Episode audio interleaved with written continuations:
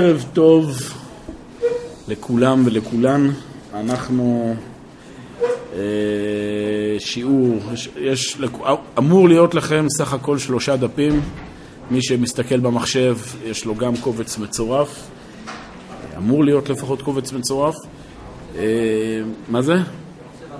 כן, במחשב זה ארבעה דפים, כי אני משקיע יותר באלה שמסתכלים במחשב מאשר בכם. אה, בכל מקרה, שבוע שעבר לא היה שיעור, בסדר, עקב ל"ג בעומר. שבוע הבא גם לא יהיה שיעור, אני מצטער. בא לי, מה למה? זה יש לי, שיש משהו, לא, לא, אני פשוט חייב להיות באיזה כנס, כנס חשוב. קיצור, אני מתנצל, אז אני מראש מבקש סליחה. שבוע הבא לא יהיה, אבל שבוע אחרי זה, בעזרת השם, עד סוף הזמן, לדעתי, אנחנו... יהיה שיעורים רצופים, נכון? שבועות נופל לנו על... שבועות זה שבוע הבא, באמצע שבוע, אז אין בעיה, ואחרי זה, זהו, יש... אני מרגיש פה מותקף, זה מה, אני מבטיח לך, זה כנס שאני חייב להיות פה, ממש. אז שבוע הבא אני מצטער, תודיעו שאין שיעור. אנחנו בכל אופן ננסה להשלים את הפערים. התחלנו שבוע שעבר סוגיה חדשה, למרות שהיא באיזשהו מקום המשך של הסוגיה הקודמת, יען כי גבו בנות ציון, הסוגיה שנקראת סנדל המסומר, שהיא מדברת על סוגיה במסכת שבת, מתארת איזה מקרה, בפעם הבאה שנלמד גם נראה אותו בפנים, ש... שהיו היהודים פעם אה, מסתתרים במערה מפני הרומאים או מפני אויבים אחרים והיה למישהו סנדל מסומר, זאת אומרת סנדל שיש לו עקבות הפוכים, והוא נכנס למערה, והעקבות היו נראים כביכול מישהו יוצא. ועצם המחשבה שהנה מישהו אולי יצא, זה יצר היסטריה שם אצל כל אלה במערה, הנה מישהו יצא, ואז בטח ראו אותו הרומאים, והנה הם באים להרוג אותנו, ואומרת הגמרא שמרוב הפחד ואובדן העשתונות, הם הרגו זה בזה יותר משהרגו בהם האויבים. והסוגיה הזו, לדורות חכמים גזרו שבשבת לא לצאת, כן, ב- לרשות אה, הרבים, בסנדל המסומר. הסוגיה הזו, אה, כפי שהסברנו, היא לא רק באופן נקודתי ביחס לסנדל המסומר, יש כאן אמירה עקרונית לכל ההתמודדות עם הנושא של דמיונות ופחדים. והתחלנו שבוע שעבר, ועכשיו בעזרת השם נמשיך, לפני שנראה את הסוגיה בפנים ואת עין היה, אה, מהו כוחו של הדמיון. ראינו פעם שעברה את המקור המרכזי, שזה מהספר שמונה פרקים לרמב"ם, פרק א', שהרמב"ם פירט את חמשת כוחות הנפש של האדם, זן, מרגיש, מת, אה, מדמה, מתעורר והשכלי. הסברנו מה התפקיד של כל כוח, אני לא אחזור על הדברים כי זה גם נאמר פעם שעברה כבדרך אגב. הדבר המרכזי, ראינו שכוח הדמיון זה כוח ההמחשה. כוח הדמיון לוקח את הנתונים שמתקבלים בחמשת החושים ויוצר מהם תמונה שלמה. אה, הבעיה, כלומר, מה, לכאורה זה דבר מאוד חיובי ואנחנו חייבים לת, לתפקד עם הדמיון. הדמיון זה בעצם היכולת שלנו לחיות בעולם הזה, אנחנו לא חיים בעולם מופשט, אנחנו חיים בעולם uh, פיזי. הבעיה עם הדמיון שהוא יכול לדמיין תמונות שהן לא נכונות. הוא לוקח נתונים ומרכיב אותם אחד עם השני, או מפרק אותם אחד עם השני, ללא שום התחשבות האם זה יכול להיות מבחינה ריאלית, או האם זה יכול להיות מבחינה מוסרית. ואז ממילא האדם יכול אה, לחיות בעולם שהוא אינו אמיתי. יש לזה השלכות רבות, עוד ניגע בהן. ההשלכה הנקודתית לענייננו, שזה יוצר את הפחדים. והנה, כאן אנחנו רוצים להמשיך. תסתכלו בבקשה בדף, כן, הראשון, במקור אה, שלוש, אומרת הגמרא במסכת ברכות את הדבר הבא. תניא אבא בנימין אומר, אלמלא ניתנה רשות לעין, אין כל בריאה יכולה לעמוד מפני המזיקים. אמר אביי, אינו נפישי מינן, זאת אומרת, המזיקים הם רבים, וקיימה עלן כי קסלה לאוגיה, המזיקים מקיפים אותנו ככסלא לאוגיא. כסלא לאוגיא זה כערוגה מסביב לגפן. פעם היו מסביב לגפנים, או גם היום עושים את זה, היו עודרים איזה סוג של תעלה. הרעיון הוא שהשדים מקיפים אותנו ב-360 מעלות, אנחנו כל מוקפים מכל כיוון במזיקים. אמר רב הונא, כל חד וחד מינן, כל אחד יש אלפא משמאליה ורבבתא מימיניה. כל אחד יש לו אלף מזיקים משמאלו ורבבה ועשרת אלפים מזיקים מימינו. טוב, זו גמרא מפחידה, נכון? מדברת על זה שאנחנו מוקפים בשדים ומזיקים. כאן זה המקום להסביר מה הרעיון של השדים והמזיקים על פי חז"ל. תראו איך אומר את זה הרב במקור ארבע, בעין הים.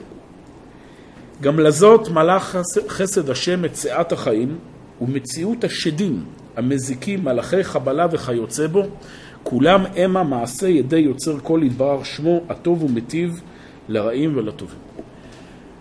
מה זה מזיקים, מה זה שדים, או אם תרצו, מה זה מלאכים?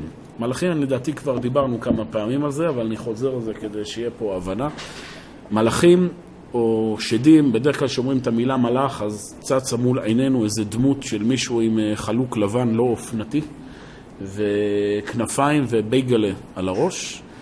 וכשאומרים את המילה שד, אז צץ מול עינינו איזה דמות של אה, מישהו עם אה, קרניים מחודדות, קלשון ו... וזנב קטן, נכון? ושניהם עומדים על הכתפיים של האדם. יש אחד כזה מלאך שמנסה להביא אותו לדברים טובים, ויש איזה שד שמנסה להביא דברים רעים. זה בעיקר נמצא בראש של מי שראה הרבה סרטי וולט דיסני שהוא היה קטן ולא יצא מזה למרות שהוא רם בישיבה, עדיין זה חקוק לו בראש, אה, אז צריך להשתחרר מזה. מלאכים וגם שדים זה לא ישויות פרסונליות, לפחות זה לא עיקר עניינם, יש דעות שיש בהם, הם לפעמים מופיעים גם כישויות פרסונליות, אלא זה כוחות במציאות. כן? כאשר אדם הוא מתרפא, כאשר אדם הופך להיות מחולה לבריא, מופיע המלאך רפאל. זאת אומרת, לא שיש איזו דמות עם כנפיים שם שגורמת לו להתרפא, אלא מופיע כוח הרפואה בעולם. כאשר אדם מתמלא בגבורה, מופיע המלאך גבריאל. אנחנו דיברנו על זה כבר לפני שבועיים, על הפסקה הזו, או שעוד לא התחלנו אותה? דיברנו על... טוב. שאומרים שכל עשב ועשב יש מלאך שמכה על קודקודו ואומר לו גדל, זה לא, כן, שאם תלכו להסתובב ותראו אה, כל מיני תשעים, תמצאו שם כאלה מלאכים קטנים שמרביצים לעשבים, אלא לכל עשב יש כוח צמיחה, זה הרעיון. המלאך זה הכוחות שהקדוש ברוך הוא שולח בעולם, כוחות הטבע, כוחות אה, מעל הטבע, שהם פועלים במציאות. עד כה ביחס למלאכים. כן, אומר הרמב"ם שכתוב בספר יחזקאל שיש שש כנפיים למלאכים, שבשתיים יעופף, כוונה היא שהכוח הזה מגיע באופן ישיר וממוקד. זה הרעיון של כנפיים. מזיקים ושדים זה אותו דבר. מזיקים ושדים זה לא... עיקר ההסבר של מזיקים ושדים זה לא ישויות, אלא זה חסרונות במציאות, או ליתר דיוק פוטנציאל של חיסרון במציאות. כן, אומרים חז"ל למשל, הבלאי של הבגדים, זה שהבגדים שלנו נשחקים, זה מתוך השדים. שוב, זה לא שמגיעים יצורים קטנים לבגדים בלילה ועושים להם אה, אה, שריטות, אלא זה שהחומר מתכלה. זה שהמציאות היא בעלת חיסרון, זה הכוונה שיש מזיקים ושדים. לפעמים יש מזיקים פרטיים למשהו נקודתי, לפעמים יש מזיקים כלליים, מופיע השמדי. שמדי גם זה לא ישות, אלא זה ביטוי לחיסרון כללי. למשל, זה שיש תודעה פגומה במציאות, שעם שלם, תרבות שלמה, היא שבויה באיזו תפיסת עולם מוטעית, זה סוג של השמדי, זה סוג של שד ששולט על המציאות, זה הרעיון. אה, מכאן אתם מבינים שאומרים חז"ל שהשדים המזיקים מקיפים אותנו ככס ללאוגיה, מקיפים אותנו ב-360 מעלות, הכוונה היא שכל המציאות יש לה פוטנציאל של חיסרון. כל שנייה ושנייה שאנחנו חיים, יש אפשרות שהדברים יופיעו באופן של כישלון וחיסרון. יכול להיות שעכשיו הקירת, התקרה תתמוטט. יש אפשרות כזו. יש מזיקים, יש, יש שדים שנמצאים בכל כיוון. המציאות היא מוגבלת, המציאות היא ברורה, במילא מצומצמת, ויש בצד של צמצום. יכול להיות כל אדם שנייה ושנייה שהוא פתאום יתמוטט ויקרוס חלילה. מכאן אתם מבינים שהדרך להתמודד עם המזיקים והשדים זה להגביר את האמונה בחיוב. ככל שאדם יותר מגביר את האמונה בריבונו של עולם, ככל שאדם מגביר יותר את הצדדים החיוביים בחייו, ממילא הוא יותר מתחבר למלאכים ומתנתק מהשדים והמזיקים. הוא יותר בונה כוחות, נותן לכוחות החיוביים להופיע בעולם, והמזיקים מסתלקים ממנו, כדברי הפסוק, יפול מצדך אלף ורבבה מימינך, אליך לא ייגש. למה? אסגבהו כי ידע שמי. ככל שאדם יודע יותר את שמותיו של הקדוש ברוך הוא, ככה גם המזיקים, החסרונות, הולכות ונה, הולכים ונעלמים ממנו יותר ויותר. זה הרעיון. יש אגב צדדים שלא תלויים בנו, שמופיעים חסרונות או הפוך מלאכים. נכון? בשבת אנחנו אומרים, כשחוזרים מבית כנסת, שלום עליכם, מלאכי השרת, מלאכי העליון. שוב, זה לא שיש מסביבנו כאלה... זה, אלא הרעיון הוא שיש כוחות חיוביים שמופיעים בעולם בשבת. בסדר? הפוטנציאל של שבת הוא מוסיף אור וברכה. כשאנחנו אומרים שלום עליכם מלאכי השרת, אנחנו הולכים ומתחברים עם הכוחות הללו. לכן על זה הדרך. גם לפני השינה, שאומרים מימיני מיכאל, משמאלי גבריאל, מאחורי רפאל, ועל ראשי שכינת אל, זה העיקר. אז אומר, גם לזאת, יש לכולם דפים? שיצטרפו פה, כל מיני, יש לי פה עוד מיותרים. מי ש... יש לך פה? כן. תעבירו אולי לכאן, מי שתרצה.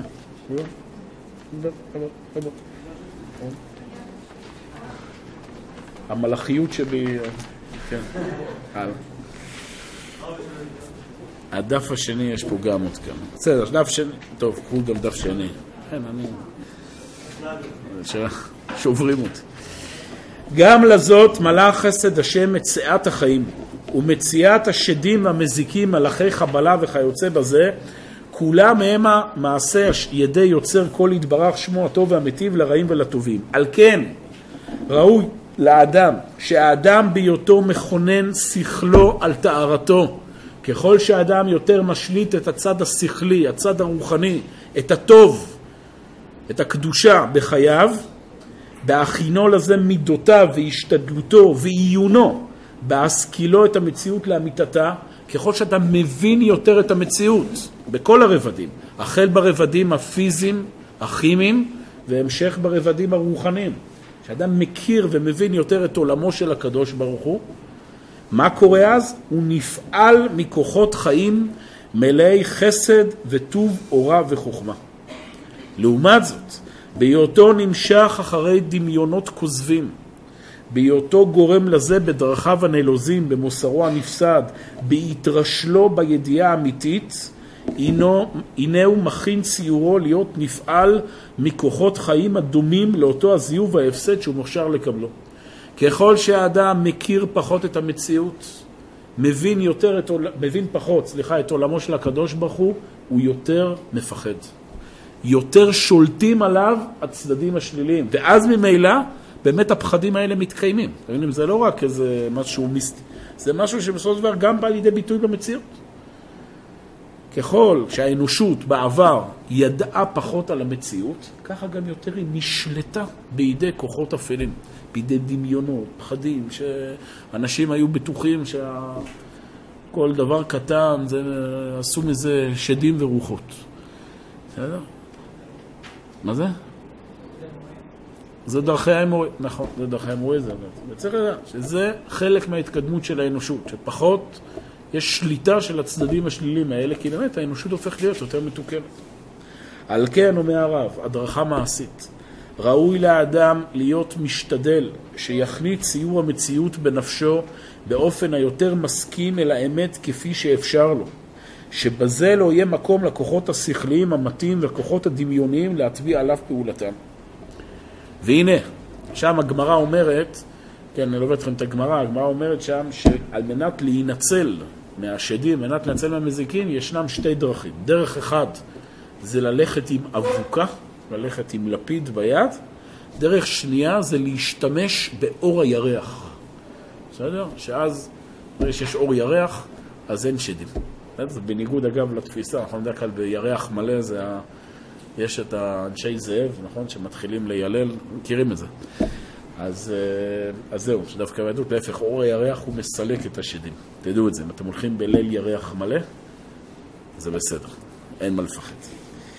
אומר הרב, והנה ההגנות שישתמש בהם האדם להינצל מהחושך, שעל ידו יוכלו ציורי המציאות להיכנס בנפשו בשיבוש, ומהם תוצאות להמון דמיונות רעות, מזיקות ומפסידות, עד שלפעמים יגרמו גם כן פחד בעלה והזיקות בגוף ובנפש. עברתי, עברתי לדף השני. כי גם הפחד הוא המון מחשבות המתפרצות על הדעת, כאמור בחוכמת שלמה. כן, כאשר אדם לא שולט בעצמו, הפחדים מזיקים לו. אגב, היום יכולים, יודעים את זה אפילו ברמה אה, מחקרית, אפילו אפשר לראות את זה בעולם הפיזי. נכון? שאדם נמצא ב... אדם יכול לקבל התקף לב רק מפחד, רק מדמיון. כן, מסופר בגמרא, שכחתי איפה, שפעם מישהו היה שונא בשר מסוים, לא זוכר בדיוק איזה סוג בשר, לא משנה, ואז הוא אכל בשר רגיל, ונגיד, נגיד שהוא היה שונא בשר אה, כבש, סתם אני זורק, כן? לא, לא זוכר אם זה מה שהגמרא אומרת, אבל הוא אכל בשר לא כבש, אבל תוך כדי שהוא אכל בשר רגיל, מישהו עבר לידו וניסה לעבוד עליו, אמר לו, אתה אוכל בשר כבש. והוא כל כך, אומרת הגמרא, הוא כל כך נסלד עד שהוא נחנק ומת. זאת אומרת, חז"ל מביאים את זה, כמה האדם מסוגל להיות נשלט בידי הדמיון. זאת אומרת שהאדם, אמרו לו פה משהו, בגלל מה שאמרו לו, הדמיון שלו כל כך מפחיד אותו עד שזה גורם לו לתגובה פיזית. שהוא באמת נחנק מזה. זה מראה, מראה על אדם שהוא חסר אומרת, חסר שליטה רוחנית לחלוטין. בסדר? כולנו קצת באיזשהו שלב, ברור שהדמיון אה, שולט עלינו, אבל השאלה היא באיזה רמות. אז איך, איך ניצלים מזה? הנה יש הגנה טבעית והגנה מלאכותית, אומר הרב. ההגנה המלאכותית היא האבוקה, שתגרש את החושך מחוג, מחוג ידוע מוקף לו, ויוכל להסתכל בעין יפה על הנמצא אשר סביבו, אבל עוד החושך ישופו חוץ מחוגו. כלומר, אומר הרב, דרך אחת זה ללכת עם אבוקה. איך מסלקים חושך? דרך אחת זה ללכת עם לפיד אש, שזה הוא דבר טוב, אבל הוא נותן לך אור רק לך. הוא לא מסלק את החושך מהעולם. בעולם בחוץ יש עדיין חושך. דרך שנייה זה אור ירח. אור ירח זה לא רק אור לך, זה אור לכל המציאות. כן. הרב פה מתכוון לזה, אבל המהר"ל בנתיב התורה גם מביא את העניין הזה. שמה? של האבוקה ושל... כן, כן. על האור של השמש. הגמרא שם מדברת על אור הירח. יכול... זה אני לא יודע, צריך להסתכל שם במהר"ל, אני לא יכול להגיד לך עד שאני לא אראה את הדברים מה הוא התכוון. יכול להיות שזה אותו רעיון, יכול להיות שזה בשינוי. ירח ושמש זה שני דברים שונים, אבל פה הוא מדבר שיש חושך בעולם, חושך בעולם זה לילה, אז אין שמש. ושם הוא אומר, יש שני דרכים לסייג, אתה יכול לא באמת ללכת עם הלפיד או האור ירח. זה נמשל כנגד הגנה מלאכותית, זה האש, שהיא מעשה ידי אדם, והירח שזה הגנה טבעית. למה, עד פה המשל, מה הנמשל, אומר הרב, אני...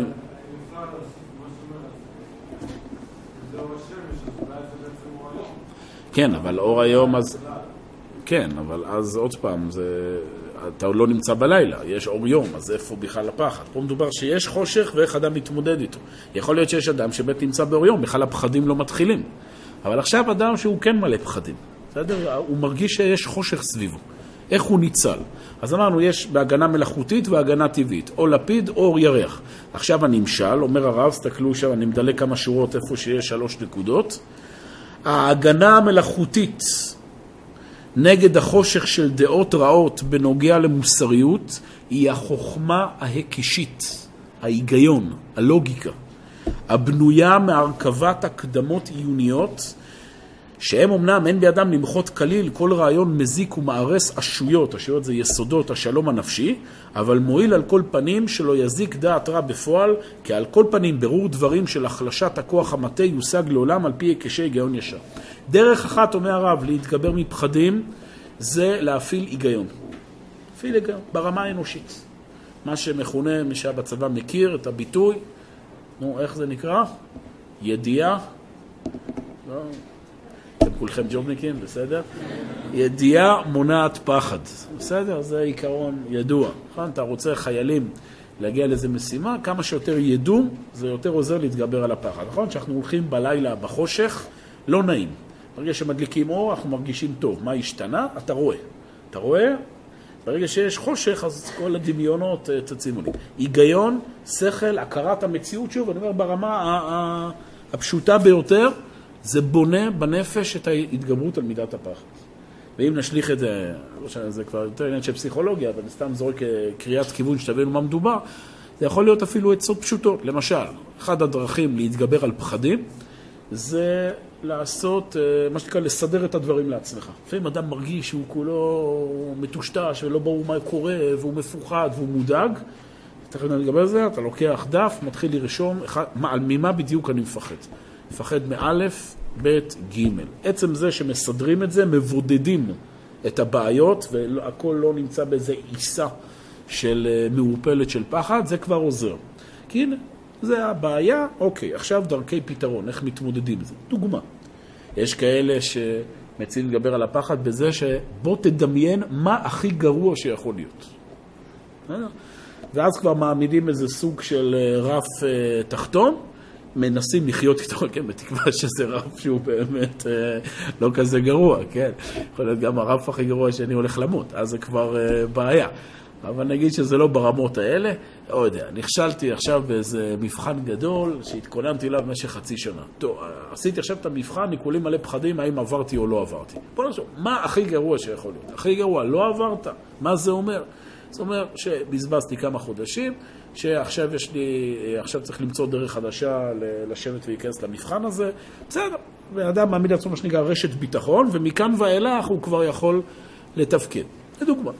זאת אומרת, יש דרכים, אה, אה, כן, אתה יודע, עכשיו אני נזכר עוד משהו, קראתי פעם איזה ספר שכתב משהו מעניין, אהבתי את זה. הוא אמר, בן אדם שהוא מודאג מאוד, שיעשה לעצמו איזושהי החלטה נפשית. הוא מביא משל, ספר שזה זה פסיכולוג אמריקאי, הוא אומר, אה, בצוללת אה, יש כל תא, הוא אטום למים משני הצדדים, זאת אומרת, אפשר לסגור כל תא ולאטום אותו מהחדרים האחרים. כן, כדי שאם המים נכנסים לתוך ה... חודרים לתוך הצוללת, אפשר יהיה לבודד אותם. כן, כן.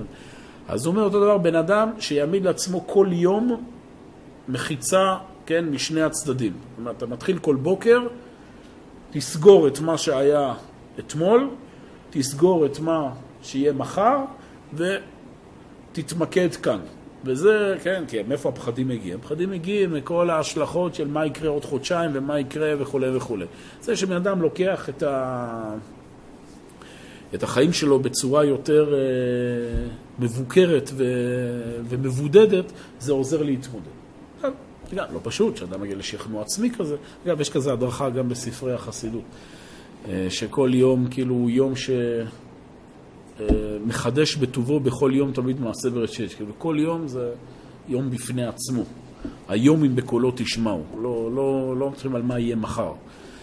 אה, מכל מקום, אז זה שיטה אחת. אבל, כמו שהוא אמר, זה הגנה מלאכותית. זאת אומרת, זה הגנה שהיא עוזרת לך ברמה האישית, פסיכולוגית, זה לא מסלק עדיין את החושך. הדאגות עדיין קיימות, הסכנה עדיין קיימת, רק אתה, ברמה האישית, מוצא דרכים להתמודד. יש דרך גדולה מזה, שזה אור הירח. מה זה אור הירח? תסתכלו את המשפט האחרון. אמנם ירח הוא האור הטבעי. חום הלב, בלבת אש יראת אלוהים ואמונה תמימה טהורה, כנסת ישראל נקראת על שמך, אמר לו קודש אבוך לירח. ירח זה כנסת, כן, נמשל לכנסת ישראל, זה ביטוי לאמונה. אור הירח, אור האמונה בכנסת ישראל, אור האמונה בריבונו של עולם, הוא המתכון היותר גדול להתגבר על פחדים.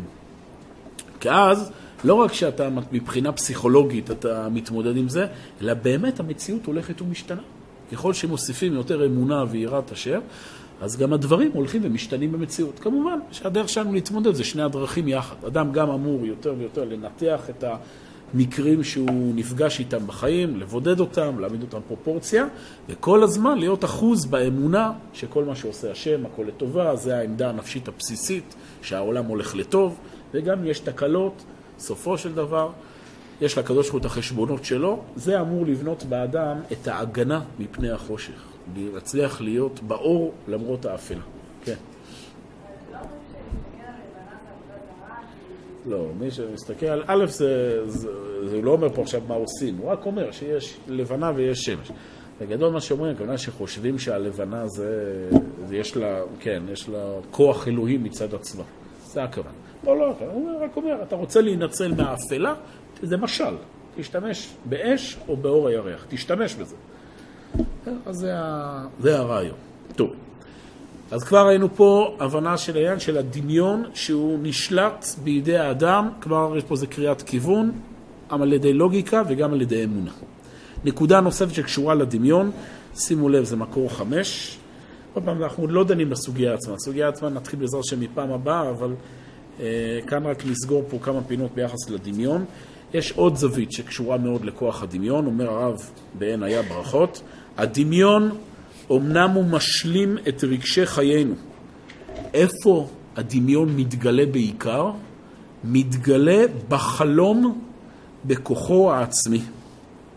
המקום המרכזי שבו אנחנו מדמיינים, כמובן חוץ מבסרטים, במציאות בריאה ונורמלית, זה בחלום.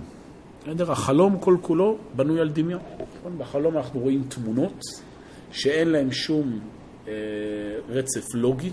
זאת אומרת, אנחנו יכולים בחלום לראות דברים שהם לא עומדים בשום מבחן ה... אנחנו מוצאים פתאום את עצמנו בכל מיני סיטואציות, פתאום קורים דברים, נפגשים אנשים שאין שום אפשרות ריאלית שנפגוש איתם, וזה לא מפריע לנו. כשקמים בבוקר, זה, זה שטות, כאילו, איך אפשר להגיד דבר כזה, כן? אבל בחלום אתה מרגיש שזה, שזה חי. הדמיון, החלום כל כולו בנוי על דמיון. אגב, מזה הרמב"ם מוכיח בשונה פרקים, שהדמיון הוא לא כוח בחירי, הוא מופיע באדם בלי בחירה, כן? בלילה אנחנו לא, אין לנו בחירה חופשית, והחלום, הבחירה היא ביום לפני. ככל שאדם, אין אדם חולם אלא מהרהורי ליבו, זאת אומרת, ככל שאדם ביום הקודם הוא רואה דברים, זה משפיע על החלום שלו, אם זה לטוב ואם למוטב. מכל מקום, חלומות, במצב האידיאלי, חלום זה התחלה של רוח הקודש. כך אומר הרמב"ם במורה נבוכים, זה בחלום אדבר בו. חלום זה איזשהו ביטוי למסר אלוהי שהוא מתלבש, עוד פעם, לא רק באיזה ידיעות מופשטות, אלא בתמונה, במציאות מוחשית. אבל זה כמובן למי שיש לו אה, אישיות שזוכחה על ידי השכל והתורה. יש אנשים גדולים שבאמת החלומות שלהם הם משמעותיים. אנחנו רואים למשל בימי התנ"ך, החלומות היו מאוד משמעותיים. כל ספר בראשית מונע מחלומות. חלום יוסף, חלום יעקב, חלום פרעה, חלום... קיצור, הכל שם סביב חלומות. אה, היו גם מגדולי ישראל שבאמת החלומות שלהם היו משמעותיים. מסופר על אחד, שכחתי את השם, אה, ש... תלמיד חכם שכתב ספר שלם, נקרא שו"ת שאילת חלום. כל לילה שהיה לו. לפני, היה לו שאלה, או היה לפני השינה, רושם את השאלה על פתק, שם אותה מתחת לכרית, ובלילה היה מתגלה לו מלאך ואומר לו את התשובה. מדהים שבדרך כלל הרי לא מתחשבים בכאלה דברים בפסיקת הלכה. השו"ת הזה מופיע, אם אני לא טועה, אפילו הרב עובדיה, אם אני לא טועה, מביא את זה בפסקים שלו, אומרת, כשו"ת, ככל השו"תים. מתחשבים בזה. מדהים. אז יש דברים כאלה. אה, החלומות שלנו היום הם לא כאלה, בסדר? שאף אחד פה לא, לא יתחיל להתלהב מהחלומות שלו. אנחנו היום, אין שום, רובנו המוחלט, אין לנו קשר, העולם הנשמתי שלנו והעולם הפיזי שלנו הם מאוד רחוקים. ומה שאנחנו רואים בחלום זה מה שנקרא חלומות שווא ידברו. זה סוג של, אה, לא יודע, הרהורים שחשבתי עליהם במהלך היום, או במהלך החיים שלי, או זה בתת הכרה שלי, אבל זה פסיכולוגיה נטו. ואין פה מה להתחיל לעשות פירושים וניתוחים. אני יכול להגיד לכם, אני משיב באתר אינטרנט של אה, שו"ת, של כל מיני שאלות ששואלים אנשים מכל הארץ. אני חושב ש-30% מהשאלות שאני מקבל זה על חלומות. אנשים ש... לא יודע, בדרך כלל זה בהקשר של חתונה, לא יודע למה. שלום כבוד הרב, אני נמצאת שיומיים לפני החתונה שלי, הלילה ראיתי את סבתא שלי בחלום שנפל לה שיניים, האם זה בא, לסמ... בא להגיד לי שאני לא צריכה להתחתן? זה בדרך כלל השאלות. לא, זה רק אומר שסבתא שלך אה, צריכה להרכיב שיניים תותבות או משהו כזה. מה זה? מה אני עונה? אני עונה לה, נראה לי שיש לה קצת פחדים לפני החתונה, וצריך לשבת ולברר אה, עם מישהו שאת מכירה, מה, למה את מפחדת ואיך מתגברים על זה. אין, אין, אה, לא. החלומות, מה שחולמים עכשיו, זה לא... עוד פעם, באמת, מקרים בודדים, יש מצב כזה שהאדם, יש לו כל מיני חלום אובססיבי שרודף אחריו וכולי. יש מושג גם היום שנקרא הטבת חלום. יש דבר כזה גם היום. פעם זה היה בהרבה יותר, פעם היו עושים הטבת חלום חופשי. היום שהדורות, מה שנקרא, התמעטו, והעולם שלנו באמת הפך להיות עולם פחות, לצערנו, פחות נשמתי ויותר אה, אה, ריאלי, אה, קוגנוטיבי, מה שנקרא, שכלי, אז אה, כמעט ולא מתחשבים בזה. אה, ואמרתי לכם את זה כבר כמה פעמים, אפשר לעשות את זה ניסיון, תעשו פשוט ניסיון. לפני השנה תקראו משהו, שימו לב שבדרך כלל מה שאתם קוראים לפני השנה, על זה תחלמו בלילה. בסדר? לכו לפני השנה, תקראו היה, או אורות התשובה, תחלמו בלילה על משהו שקשור לרב קוק וזה, לא להתלהב, כן? זה לא אומר שאתם... שיש לכם רוח הקודש, זה לא אומר שהרב קוק יתגלה אליכם בחלום. אומר שחשבת, זה יפה, חשבתם על זה לפני השנה. למחרת, והניסיון היא שלמחרת. תקראו ספר אחר לפני השינה, נגיד, אה, נו, תנו לי שם של ספר. איך? כוזרי, לא, זה ספר חול. הארי פוטר, תמיד אומרים, בואו ניקח דוגמה אחרת חוץ מהארי פוטר. איך מלכים... זה אסור. לא, גם לפני השינה, זה מזעזע. איך?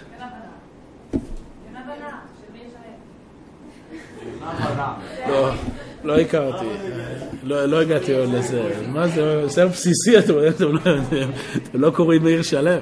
חסרי תרבות שכמותכם. אה, לא, אני חשבתי על ספרים. אני חשבתי על ספרים יותר עמוקים, כמו דמדומים למשל. אתה רואה שרק הצד הנשי צוחק? אתם לא, יודעות, לא יודעים על זה שום דבר אתם. רק אתם קוראות את הזבל הזה. אה? אז בואו לא ניכנס פה לכל הז'אנר הספרותי שאתם קוראים. לא משנה, קחו באמת איזה ספר חול, לא משנה, מטופש ככל שיהיה, תקראו עליו לפני השינה, תחלמו עליו. זה, זה פשוט כך. אה, שוב, לפעמים דברים אחרים. מכל מקום, לא להתייחס ב, אה, מאוד בספקנות לחלומות, בסדר? אה, לא, וודאי לא להחליט על פי זה החלטות. כן. כן, כן. מה שהתורה זה לא מגיע מהנשמה, אלא מגיע מדמיונות של, של פסיכולוגיה, לא יותר מזה. ברמה הנפשית, לא ברמה הנשמתית. כן, בדיוק. יש תלמידי גדולים שהם יכולים חלום, אז יש לזה משמעות, כן. אבל אנשים רגילים כמונו, זה לא. ניסיון, אני אומר. אני... לא יוצא שום דבר. וגם אגב, תלמידי חכמים גדולים, מסופר בגמרא שפעם רבא ואביי, היה להם פותר חלומות. שאומרת הגמרא, של... אני לא זוכר למי, לאביי או לרבא, קיצור, לאחד, אני חושב לאביי, לא, לרבא הוא היה פותר חלומות תמיד לטוב, ולאביי הוא היה תמיד פותר את החלומות לרע. כן, ואז הסתבר לאביי באיזה שלב, אה, והנקודה הייתה שבאמת הפתרונות התגשמו. זאת אומרת, באמת לרבא קרו דברים טובים ולאביי קרו דברים רעים. ואז באיזה שלב אביי גילה שרבא משלם לפותר החלומות. זאת אומרת, הוא פותר לרב הפתרון טוב כי הוא משלם לו. ואביי אה, לא משלם לו, לכן הוא פותר לו לרע. אז שאל אותו אביי, בסדר, הבנתי את הטריק שלך, אבל אז למה זה מתקיים? אמר לו, הכל הולך אחר הדיבור. כלומר, הכל הולך אחר הפתרון. זאת אומרת, הרעיון הוא, אדם שבאמת מפחיד את עצמו, כן, שנכנס עכשיו לעולמות של פחדים ודמיונות וחלומות, זה בסוף באמת... אה, זה באמת מתגשם, מה שנקרא נבואה שמגשימה את עצמה. אבל כאשר אדם לא מתחשב בדברים הללו ולוקח אותם בצורה נכונה וראויה, אז אין איזה... אה, לא זוכר. ברכות. מה זה? זה? ברכות פרק תשיעי. זה כן, שם בעינייה, יש פירוש יפה של הרב שם מתאר את כל הנושא. מה זה? טוב. אז אה, אומר הרב, הדמיון אמנם הוא משלים את רגשי חיינו. מתגלה בחלום בכוחו העצמי, מה? של החלום? אה, הדמיון ברור. הדמיון הוא הדרך שלנו לגעת בדברים. תראי, עכשיו, איזה משפט שאני לא אומר לך, הדמיון הוא זה שמוריד את זה לעולם שלך. כשאני עכשיו אומר את המשפט, אני אומר עכשיו את המשפט, כן? אמרתי את המשפט הזה. אני אומר, אני אומר עכשיו את המשפט, איך את קולטת את, את המשפט הזה? אני, אז את עכשיו, לא יודע, מסתכלת עליי או עולה לך בראש עכשיו את האותיות א', נ', י', כן? אומר, כנ"ל, המילה אומר מציפה לך איזושהי תמונה, לא רק אה, חשיבה מופשטת. עכשיו, אותו דבר, את המשפט. זאת אומרת, אנחנו, כל מחשבה שלנו בסופו של דבר מתרגמת לתמונה. כי אנחנו חיים בעולם הזה, אנחנו לא מלאכים, אנחנו נמצאים בגוף. זה עניינו של הדמיון. הדמיון, ככה יסביר הרב, לכן זה נמשל לסנדל, הדמיון. הדמיון הוא הכלי שעליו הגוף, כן, עליו הגוף הרוחני יכול לשים את כף רגלו על הקרקע. על מנת שנוכל לתפקד בעולם הזה, זה עניינו של הדמיון. כאשר הדמיון הוא מזוכח על ידי שכל, זה הנבואה. כלומר, שמופיע פה רעיון רוחני שמתלבש בתוך החיים. לא רק נשאר כאיזה ידע אינטלקטואלי, אלא מתלבש בתוך החיים. אבל בשביל להגיע לזה, צריך להגיע למצב שהדמיון הוא מזוכח. זאת אומרת שכל דמיון הוא מבורר האם הוא באמת נכון, ולא סתם אה, אה, מרחב. על ידי זיכור חמשת החושים. איך מזכרים את חמשת החושים? על ידי השכל. השכל לוקח את הנתון של חמשת החושים ובודק האם זה נכון או לא נכון. זה השכל למשמעות העליונה של מצוות ותורה. בסדר, כשאני אומר שכל לא, אני לא מתכוון רק ניתוח אה, אינטלקטואלי. מתכוון להשליט את המימד הרוחני, לראות את המציאות כפי שהיא. כן, למשל, אומרים לחז"ל, הדבר הזה הוא רע. כן, לא יודע, כנסייה, את רואה פה איזה כנסייה, זה רע. זאת אומרת, למה? החושים שלי דווקא משדרים משהו פה מאוד יפה, נחמד וזה וזה. בסדר? העולם הרוחני, השכל והתורה, זה שלנו זה נראה עכשיו יפה ונחמד, זה מראה ששוב יש איזה נתק בין עולם הדמיון, בין עולם ההמחשה שלנו לעולם הרוחני-שכלי. אנשים גדולים, זה נמצא אצלם יחד. נביא את הדוגמה הזו. הרב קוק למשל, יש לו מופיע בפנקסים שהוא כותב שהייתי נער כשהייתי הולך, ככה הוא אומר, ליד כנסיות, היה עולה באפי ריח של בית הכיסא. ככה היה אומר. זאת אומרת, מגיע אדם שהעולם הרוחני והעולם החושי שלו הם מאוחדים, שמה שלא נכון מבחינה רוחנית בא לידי ביטוי גם בחושים. כל עוד אנחנו לא שם, אז סימן שיש עוד מה לעבוד. בסדר, כמובן יש הרבה מדרגות ביניים. יש הרבה מדרגות ביניים. וכמו שהזכרתי גם פעמים שדיברנו בסוגיה הקודמת, למשל זה קשור מאוד לנושא של מראה חיצוני של בן או בת זוג. קשור מאוד. ככל שהאדם הוא יותר נשלט על ידי הדמיון המוחש, הוא לא מחבר את זה לאישיות שעומדת מאחורי זה. יש כאן מישהו שנראה לי מכוער. למה? הוא יפה מאוד מבחינה פנימית, ערכית. אבל לי יש נתק בין העולם הרוחני לעולם המוחשי, ואני לא מסמוכן, לא, לא יכול להכניס את זה אליי. זה מצב לא טוב. זה. אז הרעיון זה כמה שיותר לצ... את צודקת. לא, זה משהו שהוא בכירי. ככל שה... זה עבודה, נכון. עבודה ארוכה. ככל שבן אדם יותר יעבוד על עצמו, הוא בכל דבר ימצא את הנקודה השכלית-רוחנית. והוא... היחס לדבר יהיה בהתאם לנקודה הזו, ולא למעטפת הדמיונית המוחשית. מי שמגיע לשלמות בדבר הזה, או אין שלמות, אלא הולך ומתקדם בזה, זה כבר הנבואה. זה כבר הנבואה. ואז גם אין לו כבר מגבלות של זמן, אין לו מגבלות של מקום. נבואה, הוא רואה מה יקרה עוד אלף שנה. רבי עקיבא עומד בבית קודשי הקודשים, יוצא שועל מבית קודשי הקודשים, כולם בוכים, הוא מתחיל לצחוק. למה? הוא לא רואה שועל, הוא רואה את גשר המיתרים. דברים אחרים. הוא רואה עוד, אה, עוד אלפיים שנה. בואו, הוא רואה את ערוץ מאיר. הוא רואה את ערוץ מאיר, הוא אומר, עוד ישבו זקנים וזקנות בחוצות ירושלים וכולי. כן? אה, זה המציאות. לא, גם אין לו מגבלות של מקום. יחזקאל הנביא יושב בבבל, והקדוש ברוך הוא מביא אותו בחזון, בנבואה, הוא מטייל עכשיו שם בבית המקדש ורואה מה קורה ב... שם בחצר המקדש. אין, זאת אומרת, כל המימדים של החושים נעלמים. העולם הוא מתאחד. זה הרעיון. מה זה? זה מציאות של? כן, נכון. גאולה, שזה יקרה ברמה הרחבה. יש אנשים שגם היום הם חיים שם. הרבה אנשים עם חזון, הם חיים שם. הרצל, להבדיל אולי מהאנשים שהזכרנו קודם, אבל עדיין, זה אדם שנמצא 50 שנה ורואה את מדינת ישראל כאן. מה זה?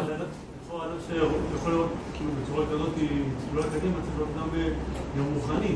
לא היה בו גם צדדים מוכנים, היה בו גם צדדים אחרים, אבל זה שהוא היה מסוגל לראות דבר כזה, זה עוד פעם, להבדיל, גם אצל אומות העולם, לא יודע, יש אנשים עם חזון. מה זה חזון? זה איזושהי יכולת להתעלות מעבר, למ... אני מביא את זה בכוונה ברמה הכי נמוכה, כן? להתעלות מעבר למה שאתה רואה עכשיו, לתקשורת, ל... ולהביט טיפה קדימה. מי שרוצה להתקדם בזה, א', שיצרוך כמה שפחות תקשורת. התקשורת היא כל עניינה, זה הדמיון. זה הכאן, עכשיו, מה שקורה, החושים. מה?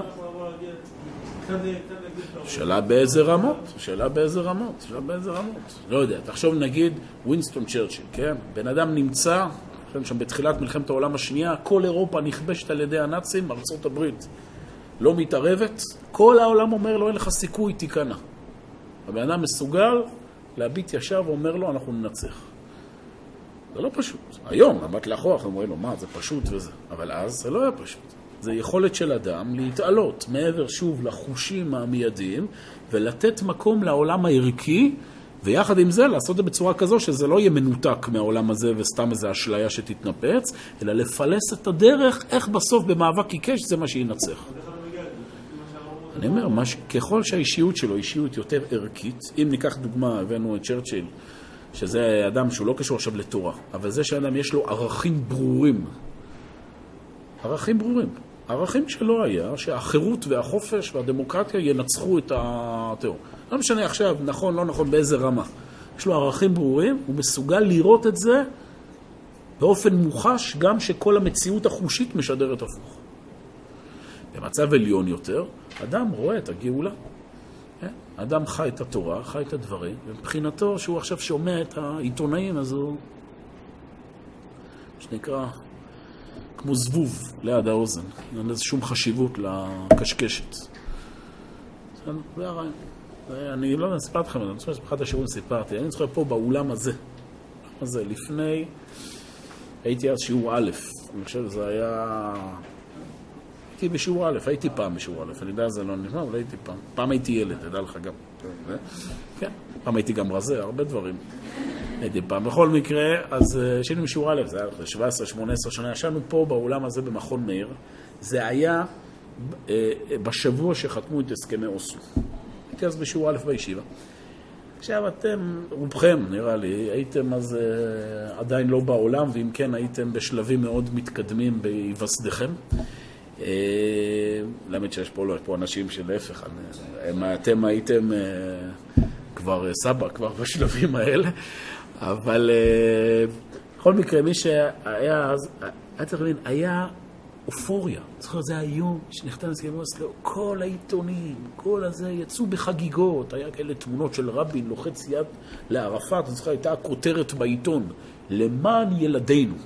כן, עם מיליונים מצייצות ובלונים וזה, אין, היית שומע תקשורת, הבוח... זה המציאות, זה, זה המוחש, הכל משדר לך את זה. והיה לי אז לקח בחיים. זה אז שיעור א', באתי פה לשמוע שיעור מהרב ביגון, ראש המכון. הרב בגון זוכר עמד פה באולם הזה, כן, לא כאן, אז כאן זה היה בית מדרש של מכון מאיר, לא היה עוד את הבית מדרש החדש, ישבנו פה והוא עמד שם איפה שאהרון קודש, ואני זוכר, אמר את המשפט, אני זוכר את זה עד היום, הוא אמר, תקשיבו טוב, ההסכם הזה הוא אוויר, הוא אומר, הוא אוויר, הוא לא יהיה, לא יקום ולא יהיה, כלום לא יישאר בזה. עכשיו, אני זוכר את עצמי, בתור שיעור א', זאת אומרת, שמעתי מה שהוא אומר, אבל אמרתי, כאילו, לא יודע, יש פה בן אדם, אומר משהו ש... שוב, אתה יוצא החוצה, הכל נראה הפוך. הכל נראה הפוך. כל המציאות, הריאלית, הפוליטית, אנשים בכוח, כולם אומרים הפוך. מה... טוב, הנה, אתה רואה. תוך כמה שנים, מסתבר, מה מנצח בסוף? החושים, הקטנות, המבט הקטן, או הנצח, או התורה. יש דברים שלוקחים עשר שנים בשביל לראות אותם, יש דברים שלוקחים חמישים שנה לראות אותם, יש דברים שלוקחים אלפיים שנה בשביל לראות אותם.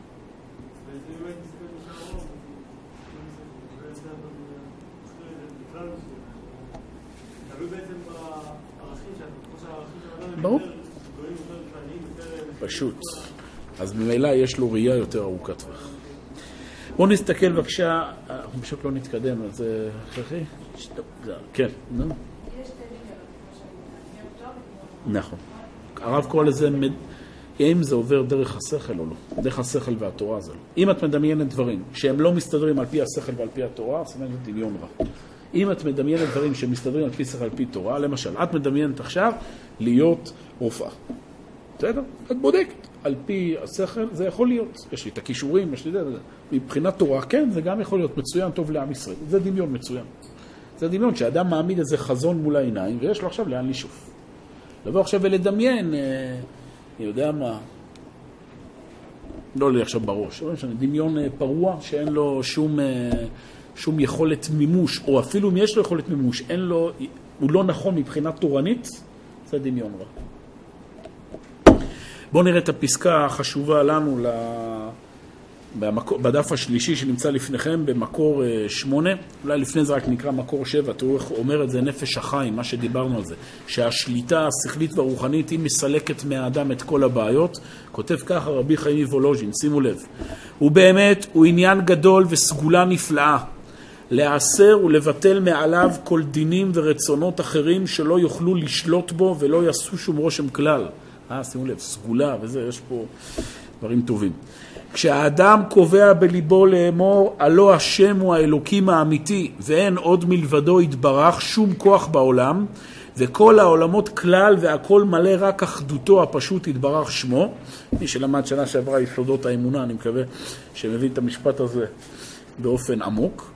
הוא מבטל בליבו ביטול גמור ואינו משגיח כלל על שום כוח ורצון בעולם, הוא משעבד ומדבק תואר מחשבתו רק לאדון יחיד ברוך הוא, כן יספיקו יתברך בידו שממילא יתבטלו מעליו כל הכוחות והרצונות שבעולם, שלא יוכלו לפעול לו שום דבר כלל. ככל שאדם יותר מתדבק בריבונו של עולם, המציאות החיצונית הופכת להיות חסרת משמעות. מה שהופך להיות משמעותי זה רק מה שאמת ונכון. כל השם עליו עול תורה, מסירים מעליו עול דרך ארץ. זאת אומרת, המציאות בחוץ היא מתיישרת לפיו. שזה לא ככה, אז זה. טוב, מקור שמונה זה פסקה מאוד ידועה באורות, באורות ישראל ותחייתו, שהיא בעצם לוקחת את מה שדיברנו עכשיו על הדמיון באופן עקרוני, משליכה את זה על התרבות שקיימת היום, וזה כבר באמת ההקדמה הישירה לסוגיה שנראה בעזרת השם בסנדל המסומה. אומר הרב באורות ישראל ותחייתו כך: כל התרבות הזמנית בנויה היא על יסוד כוח המדמה. כל התרבות הזמנית, הכוונה התרבות המערבית, התרבות הנוכחית, היא בנויה, הכוח הדומיננטי שבה זה כוח הדמיון, ופה מדובר על כוח הדמיון התחתון, השלילי. זוהי מורשת גורלם האלילי של עמי התרבות האחוזים בכוח המדמה, שממנו באה התפתחות היופי הגופני בפועל ובציור מעשה. התרבות המערבית היום היא בנויה ביסודה הנפשי על התרבות האלילית. תרבות האלילית זה תרבות שרואה רק דברים מוחשיים. מה זה אלילים? אלילים זה לא רק פסלים שאנשים משתחווים להם, זה חוסר היכולת להיפתח לעולמות מופשטים. זה חוסר היכולת להיפתח אל האין סוף. זה הרצון לקחת כל דבר ולהגשים אותו, לצמצם אותו, לתפוס אותו. מה שבא לידי ביטוי אצל עובדי האלילים בזה שממש השתחוו לפסח. יש פה אמירה נפשית. אני לא מסוגל לגעת במהות של הדברים. אני צריך כל הזמן לגעת רק במעטפת. התרבות היום היא כל כולה בנויה על הדבר הזה. מה ששולט בעמדה הנפשית של התרבות המערבית זה המעטפת החיצונית. זה בא לידי ביטוי כמובן בהבנה הכי פשוטה, שככל שהדבר הוא מוחצן יותר, צבעוני יותר, רעשני יותר, לא צנוע יותר, אז הוא יותר מושך את העין, אבל זה יותר מזה. זה התחושה שהיום שולטת בתרבות, שהממשות זה בחומר. הרוחניות זה מה שנקרא בשביל הכיף. הממשות העולם זה העולם החומרי. מזה מתפתחת מה שנקרא חשיבה תועלתנית, חשיבה כמותית. כל דבר הוא נמדד בשאלה מה זה מביא לי מבחינה חומרית. אין ערך בפני עצמו. הכל זה בשביל מה? מה זה? דוגמה הקלאסית, שגם הבאנו אותה לו כמה פעמים, בחור ישיבה או בת מדרשה מגיעים הביתה לשבת. נפגשים עם הדודים והדודות באיזה אירוע משפחתי. הדודה מגיעה אליך ושואלת, מה אתה עושה היום חמודי? ואז אתה אומר לה, אני לומד בישיבה. ואז מגיעה שאלת המיליון דולר. ומה יוצא לך מזה? וכאן זו שאלה. אם אתה מבין עניין, אז אתה לא יותר מדי מתייחס. אם אתה עוד חושב שאפשר לשכנע, אתה באמת לוקח את השאלה ברצינות. ואז הוא אומר לה, כן, אני לומד תורה, וזה דבר חשוב, וכולי וכולי. ואז אתה רואה שאחרי כמה שניות, היא, מה שנקרא, אתה מאבד אותה. העיניים הם, כן? ואז היא אומרת לך בסוף, טוב, העיקר שאתה מאושר. במילים אחרות, אוקיי? הילד יצא דפוק, אבל מאושר כי היא הולכת לאבא ואומרת, תראה, לא נורא, הוא עוד יצא מזה, הוא צעיר, יהיה בסדר, הוא עוד... סיפר לי חבר שלי, בא פעם אליו איזה אימא של אחד התלמידים, אומרת לו, כבוד הרב, חייב לעזור לי, הבן שלי הוא השתגע, הוא כל היום רק לומד תורה ומניח תפילין, עושה מצוות וזה, אז, אז הוא לא הבין, הוא אמר לה, אבל גם אני לומד תורה, היא אומרת לי, היא אומרת לי, לא, אתה, הוא אומרת לו, לא, אתה מקבל כסף על זה, אני מבינה, אבל לא, הוא באמת מאמין בזה. זה יפה, זה מה שנקרא, נתנה לו פה קרדיט. הסיפור אמיתי. אז באמת, בתפיסה האמיתית, עוד פעם, מה יוצא? תכלס, תבין מה יוצא ביד. עכשיו, זה לא רק בדברים של לימוד תורה. כל דבר שיש לו, זאת אומרת, זה שלבן אדם יש מחשבות טובות יותר. זה שבן אדם הופך להיות יותר ערכי בנפש שלו. זה מה שנקרא לא, לא עובר מסך. כאילו, מה, מה אתה עושה עם זה? או שוב, במשפט הידוע, עם אידיאלים לא קונים במכולת, חמוד. זה משפט נכון. רק עם אידיאלים לא קונים במכולת, זה נכון.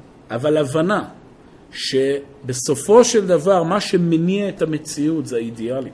מה שמניע בסופו של דבר את המציאות זה העולם הערכי והרוחני, זה הבסיס לתפיסה האמונית-רוחנית. וככל שהחברה היא יותר בנויה על כוח המדמה, היא מזלזלת בכל דבר שאין לו ערך מעשי מיידי. למשל, אומר הרב, הולך ומשתכלל כוח המדמה, ועימו משתכללים המדעים המעשיים והניסיוניים. איזה מקצועות נחשבים היום? תבוא להורים שלכם להגיד, אבא, החלטתי להירשם ללימודי פילוסופיה וספרות השוואתית סינית.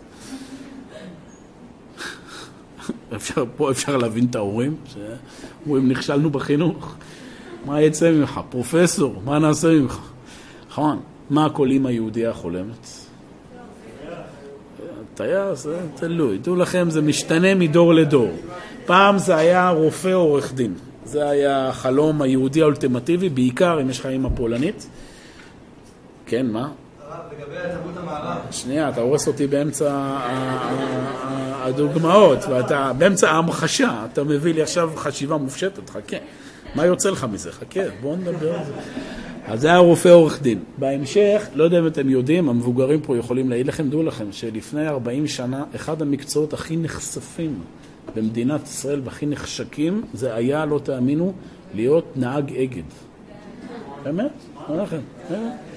נהג אגד, נהג אגד, להגיד שהבת שלי מתחתנת עם נהג אגד זה כמו להגיד הבת שלי מתחתנת עם טייס. באמת. זה היית אומר שאתה נהג אגד, זה אומר שאתה מסודר לכל החיים. הם היו אז הקטע של ההסתדרות, של הקומבינות וזה, כל מי שהיה נהג אגד היה מקבל מניות באגד, היה עובד איזה כמה שנים, מקבל פנסיה כמו חברת חשמל היום, דברים כאלה. מה זה? גם בדן, אוקיי, לא לפגוע, גם היה בדן. אגד, בדן. או מה שהיום פועלי נמל אשדוד, יש כל מיני קואופרטיבים כאלה. בידיים, כן, טוב שההגה בידיים של ההגה, היום זה כבר פחות, אבל אז זה היה, זה היה החלום, בסדר? היום זה כבר השתכלל לדברים אחרים, בסדר? זה היום כבר יכולים שהבן אדם יעשה, יעשה אקזיט, כן? שזה החלום, או כמובן, זה החלום הגדול מהכל, שייכנס לאח הגדול. זה... לזה אנחנו שואפים. הערב זה קורה. אתם לא יודעים, יש התרגשות בכל הארץ, הערב זה קורה. אה, לא יודע, סיפרתי לכם את זה, לפני שנתיים התקשרו אליי. מההפקה, כאילו בדרך גורם שלישי, מההפקה של האח הגדול, הציעו לי להשתתף באח הגדול. שקלתי בעניין. אה, כנראה בגלל ערוץ התפוקה. הם רואים שם, באח הגדול ערוץ מהיר, אמרו, או, אותו אנחנו רוצים. אז- והתלבטתי, התלבטתי. אה, אז זהו, הלכתי להתייעץ עם שני גורמים. גורם אחד, זה היה חבר שלי שעוסק בפרסום. הוא אמר לי, תשמע, לא מציע לך, כן, לא ברצינות, מה שאלתי רק בשביל הכיף. הוא אומר לא מציע לך, הוא אומר, הפרסום שם זה פרסום שלילי, זה, אי אפשר להעביר שם מסרים רציניים וכו', דיבר, נתן לי הרצאה של חצי שעה. אחרי זה הלכתי לאשתי, שאלתי מה היא אומרת, היא התבטאה בפשטות, פשוט זרקה עליי נעל, אני זוכר. והבהירה את הנקודה, מה שנקרא. וזהו. איך זה נראה לך של התלבטות, סתם עשיתי את זה בשביל הכיף, נראה. מה הייתי מלמד שם? סוגיית סנדל המסומר? אורות, מה בדיוק? אה, זה מה שהם אמרו לי, שאמרו כדאי. הוא אומר, זה יהיה אפשרות להפיץ את המשנה הדתית-לאומית בעם ישראל. אמרתי לה, או, בדיוק. מה שמדהים זה שזה שדיבר איתי, הוא לא הבין. כאילו, אמרתי לו, לא. הוא אומר לי, למה? לא. לא קלט את העניין. טוב, בכל מקרה, אה, אז, כן, עכשיו לשאלתך, אני מצטער, עכשיו נחזור לרצינות, דבר אחרי. הרב אומר שהתרבות המערבית מאוד שקועה בחומר אבל יש איזושהי התפתחות שהם יותר יודעים להכיל היום עולם וירטואלי או... זו שאלה מצוינת. האם באמת העולם הווירטואלי וכולי, זה דברים של התרחנות או הפוך? יש צד וצד. יהיה צד שבאמת נכון, שהעולם הווירטואלי הוא כבר מתחיל להבין שהמימד הרוחני, עוד פעם, ברמה מסוימת, הוא זה ששולט. אה, וזה מה שנקרא ה-New Age, כן, הרוחניות החדשה שהעולם היום, אה, זה, זה גם קשור לכל החיפוש רוחניות שמחפשים היום בהודו, דברים כאלה, אבל יש צד שזה הפוך. אמר לי איזה מישהו יפה, הוא אומר, זה לא ש... אה, מרח... לא, לא שמרחנים את החומר, אלא מחמירים את הרוח. זאת אומרת, לפעמים זה הפוך, לוקחים את הצדדים הרוחניים וגם אותם מכניסים לפונקציונליות כמותית. אומרת, מה, איך זה ייתן לי חוויה יותר טובה? איך עכשיו בזה שאני אלמד להיות רוחני יותר, זה יגרום לי להרוויח יותר כסף. זאת אומרת, אתה מבין, הכל, יש הרבה סדנאות היום למנהלים, דברים כאלה, שהם מתעסקים באמת בסוג של רוחניות ועבודה על המידות, אבל בשביל, אומרת, בשביל שאני אוכל להרוויח יותר כסף, אני צריך, שאני, אני מבין שאני צריך גם להיפתח לזה שאני אהיה אדם יותר שמח. אם אני שמח יותר, משדר אנרגיה חיובית, זה משפיע על העובדים וכולי. זאת אומרת, הכל בסופו של דבר מתרכז באדם, לא בקדוש ברוך הוא. בסדר? לכן אני אומר, זה פה, לפה ולכאן. אז אומר הרב, הולך ומשתחל כוח המדמה, ועמו משתכללים המדעים המעשיים והניסיוניים, שוב, כל המקצועות הטכניים, הריאליים, הם תופסים את המרכז, כאילו, זה המשמעות. ועל פי עלייתו של כוח המדמה ותפיסתו את החיים, מסתלק האור השכלי, מפני שחושב העולם כולו שכל העושר תלוי בפיתוחו של כוח המדמה. שוב, אתה מבין את ההשלכה לפי שאומר פה הרב. אנשים, אצל ילדים, זה בא לידי ביטוי שהם אוהבים יותר לגעת בדברים, אבל גם אצל מבוגרים. העושר נמדד ככל שיש לי יותר כסף. העושר נמדד ככל שיש לי יותר מעמד. באמת, המצב הנפשי של האדם תלוי בזה. כל אדם צריך לבדוק את עצמו. איפה, מתי הוא מרגיש טוב ומתי הוא מרגיש רע. מה גורם לו להרגיש טוב? האם זה שעכשיו הולכים לחופש לכמה ימים באילת, זה נותן את התחושה הטובה לאדם? או זה שבאדם הספיק עוד שני דפי גמרא? ברור שכולנו, יש מה לעבוד בעניין, אבל זה דוגמה. איפה המרכז הכובד הנפשי של האדם? האם בצדדים, עוד פעם, התועלתניים, פונקציונליים, חומריים, או בצדדים הרוחניים ערכיים, וגם אמרנו בתוך הערכיות עצמה. האם, עוד פעם, אתה עושה את זה בשביל משהו, בשביל לקבל שכר בשמיים, בשביל שיקראו לי רב, בשביל כבוד, או שאתה עושה את זה בשביל האמת, בלי שאף אחד יודע על זה. דיברנו על זה בסוגיה שעברה. שאדם בונה על עצמו לימוד שאף אחד לא יודע שום דבר, רק הוא עם הקדוש ברוך הוא. זה גם דוגמה. כן. בריאות, העולם המליאה, העולם האנושי, פשוט להשפיע על דברים, נלך לאילת, זה טוב לנפש. מה טוב בנפש? לא יודע. לפעמים טוב לעשות בטינגה, נותן לך את השחרור. בסדר, בסדר, זה בוודאי. אבל גם שם השאלה היא מה התכלית. מה התכלית. אם המטרה היא בסופו של דבר לפתח את העולם הערכי והרוחני מצד עצמו, ובשביל זה אני צריך להשתמש לפעמים גם בבטן גב, זה בסדר. אבל כאשר הבטן גב הופך להיות המטרה, והפוך, העולם הערכי והרוחני, כל עניינו, זה... אז... כל העולם נגיד, החוסר רוחני, העולם הזה, תראה איזה עולם, איזה עולם מגיע. אנחנו יכולים לקרוא לזה איזה עולם מפתח. לא הוקמה על ידי ברור, רוחניות. ברור שהצדדים, זה מה שיגיד פה הרב, הרב בדיוק יגיד את זה בסוף הפסקה, שכל העלייה של כוח המדמה של הכוחות האלה זה השגחה אלוהית כדי שהעולם יכין את הכלים בשביל ה... שיהיה הנבואה. בשביל שהנבואה תחול צריך באמת אה, עולם חומרי, רחב וכולי. אבל אנחנו כאן מדברים עוד על הנזקים שמתלווים לתהליך הזה. אתה צודק שיש פה איזו השגחה אלוהית שבסוף זה יוביל לטובה. וגם עכשיו זה ודאי מוביל לטובה. אבל מבחינה, מבחינה אישית, בוא נגיד, עיקר הבעיה שלנו זה איך אנחנו לא נשבים לתוך הצדדים הגסים של כוח הדמיון. כוח הדמיון, הכוח החומרי, הוא נמצא בעולם, אין חשש שאנחנו נהפוך להיות רוחניים מדי ונזניח אותו. הבעיה היא אה, הפוכה. בסדר? בואו נמשיך, נהיה עוד שתי שורות ונסיים. אה, שימו לב, אומר, וכה הולכים העניינים בהדרגה, זאת אומרת, גם בתוך המציאות של כוח המדמה, של השליטה, של ההמחשה והחושניות, גם פה יש הידרדרות. בהתחלה אמרנו, אנשים מזלזלים בכל מיני מדעים מופשטים, והם אה, רוצים מדעים מעשיים ועיוניים. זאת אומרת, בסדר, האדם אומר, עזוב אותי פילוסופיה, עזוב שטויות, אבל מה צריך? צריך טכנולוגיה, צריך דברים פיזיים. עם הזמן, זה עוד יותר מידרדר, שמה? כה הולכים העניינים בהדרגה, עד ששרידי השכל שברוח החוכמה החילונית הולכים ומסתלקים, גם הם הולכים ונעתקים אל כוח המדמה, גם הם הולכים והופכים להיות שבויים בכוח הדמיון, כוח ההמחשה, ואז מי תופס את ראש התרבות? לא ה... רק האנשי הטכנולוגיה וכולי, אלא עוד משהו. המליצים והמספרים הדרמטורים. מה זה דרמטורים? דרמה, שחקנים.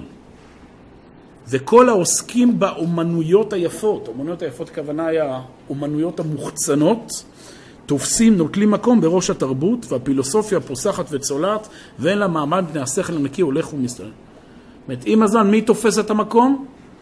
כמו שאמרנו, הסלב. שזה, זה, זה משהו יותר. בהתחלה אתה בא ואומר, טוב, אני מבין שאין לך ערך במחשבה רוחנית בפני עצמה, בערך בפני עצמו, אבל לפחות אתה רוצה תועלת פונקציונלית פה לעולם, אתה רוצה מישהו שירכיב לך את הכיסא.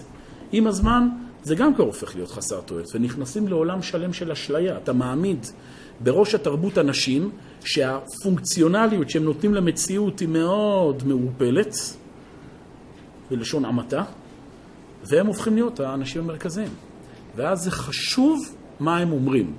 חשוב שהדוגמנית, מה היא אומרת על החזרת שטחים. ככה עובד הראש הדמיוני.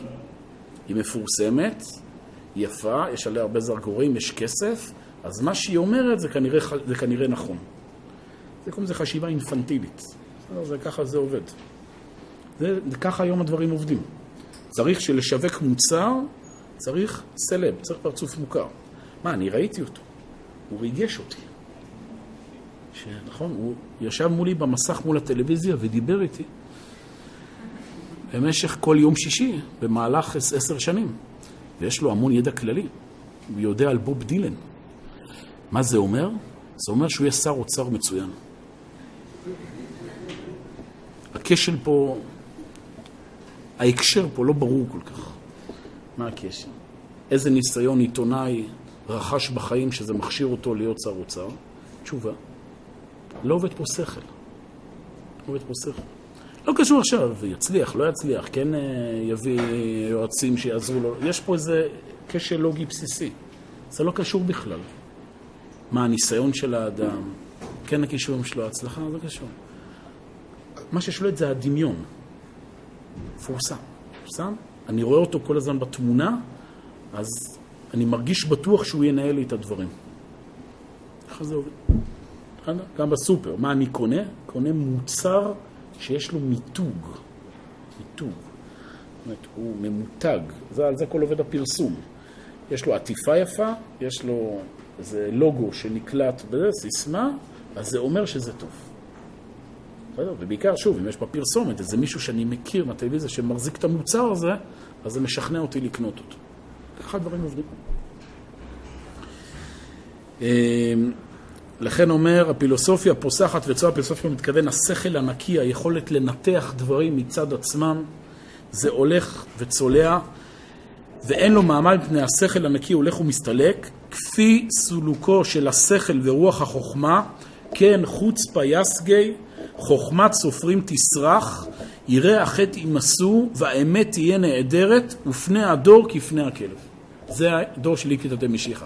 זאת אומרת, חוץ, כן, חוצפה, פני הדור כפני הכלב, יש כאן מרידה בכל הסמכויות, אין פה שום שליטה רוחנית, הפקר מוחלט. הכל הולך לפי הצדדים הגסים והמוחשים. ואז אומר הרב, כן, אומר בסוף הפסקה, אם תסתכלו אה, חמש שורות מלמטה, עד נקרא את זה אה, אה, עוד כמה שורות. כן, חוץ פייסגר, חוכמת הסופרים תסרח, יראה החטא ימסו והאמת תהיה נהדרת ופני התור כפני הכלב. אותה העדינות הפנימית הבאה מרוח החוכמה הולכת ונמוגה, עדינות, ערכיות, אין לה משמעות היום. מה, מה, זה שבן אדם עדין, זאת אומרת, זה שהוא לא גס רוח. גס רוח, שוב, רוח גסה. כל מה שהוא קולט זה רק צדדים מוחשיים, העדינות היא הופכת להיות חסרת משמעות. כל זה הולך ונמוג, השאיפה לרוחניות ואצילות, לדבקות אלוהית, לעולם עליון, לזוך מוסר, ברום טהרתו, לציורי המושכלות מצד עצמם ונצחיותם. נעשית חזון יקר, שוב, אין איזה ערך. אז מה אם אתה עכשיו מבין יותר דברים מבחינה רוחנית? אז מה אם אתה יודע יותר דפי גמרא? אז מה אם האישיות שלך עכשיו היא יותר מתוקנת? אז מה אם אתה הפכת את הרצון שלך להיות עכשיו יותר טוב? כל זה זה דברים חסרי משמעות בעולם החומרני. מה שלא מתורגם בסופו של דבר לתכלס, כן? מילה מגעילה, שלקחו אותה מהמילה תכלית. מה שלא מתורגם ל... עזוב אותי עם השטויות. תכלס, תכלס. ביד, כמה זה כסף? כמה זה? מה יוצא מזה? זה הופך להיות חסר משמעות. וכפי אותה המידה הנוהגת בעולם בכללו, נוהג הדבר בישראל כלפי רוח הקודש ואהבת התורה ברוח פנימי ורעננות עצמית של היהדות הנאמנה, ובעולם שולט רוח מגושם. מה יוצא מלימוד תורה? מה המשמעות? בשביל מה? למה לממן אותו? מה הם עושים? לומדים תורה כל היום? אה? חסר משמעות. מי? כן, גם שלפעמים מגיעים לישיבות שלנו, של ישיבות הסדר, אז מה, אתה יודע שזה... יודע מה, אירועים מיוחדים. אז מגיע איזה פוליטיקאי או זה, אומר, אתם בחורי ישיבה מצוינים, אני יודע שאתם הולכים לעזור לזקנים, אני יודע שאתם הולכים לצבא. זה נחמד שמדי פעם בחורי ישיבה הולכים לעזור לזקנים וגם הולכים לצבא, אבל זה לא העיקר. העיקר שהם לומדים תורה. אבל בראש הכמותי, שמה יש לימוד תורה? לימוד תורה הופכת אותם לאזרחים יותר טובים. הופכת אותם לחיילים יותר טובים. זה מבחינתם, כאילו, תשב, תלמד חצי שעה ולך תהיה עובד סוציאלי בכל שאר הזמן, אז, אז אפשר להבין למה אתה שווה. ללמוד תורה, זה שאתה יודע מסכת, שאומרת הגמרא, שואלים עמי הארצות, מן הנן לן רבנן. כאילו, מה הועילו לנו חכמים? עמי הארצות זה התפיסה החומרנית שמודדת רק דבר בכמותיות שלה. קורא לזה הרב, בעולם שולט רוח מגושם, אי לך ארץ, אוי לך ארץ, שמלכך נער. שמה ששולט עלייך, המלכות שלך, זה הנערות, זה הצדדים הגסים, החומרניים. ושרייך בבוקר יאכלו. המנהיגים, ההנהגה, לא פרסונליות, הכוונה פה להנהגה הכללית, היא כל כולה הדבר הראשון שהיא עושה בבוקר זה לאכול. זאת אומרת, העמדה הנפשית הבסיסית זה רק הצרכים החומריים.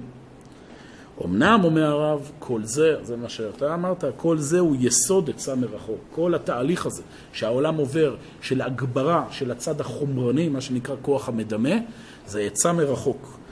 זה אלוהית. עצת השם היא להשלים את הכוח המדמה, מפני שהוא בסיס בריא לרוח העליון שמופיע עליו, כדי להכין את הכלים על מנת שבאמת תוכל להופיע הקדושה בעולם, צריך שיהיה גוף בריא, שיהיה מציאות חומרית רחבה. צריך שיהיה מדינה, צריך שיהיה ארץ. ובשביל לבנות מניין הזה, יש פה איזה תהליך שהקדוש ברוך הוא, מה שנקרא, מסלק את החשיבה הרוחנית, מעמיד פה כמה דורות שבונים צדדים חומריים בלי להתחשב בשום דבר, ועל ידי כך נוצר כאן איזו פלטפורמה שאפשר עליה לבנות קומה הבאה.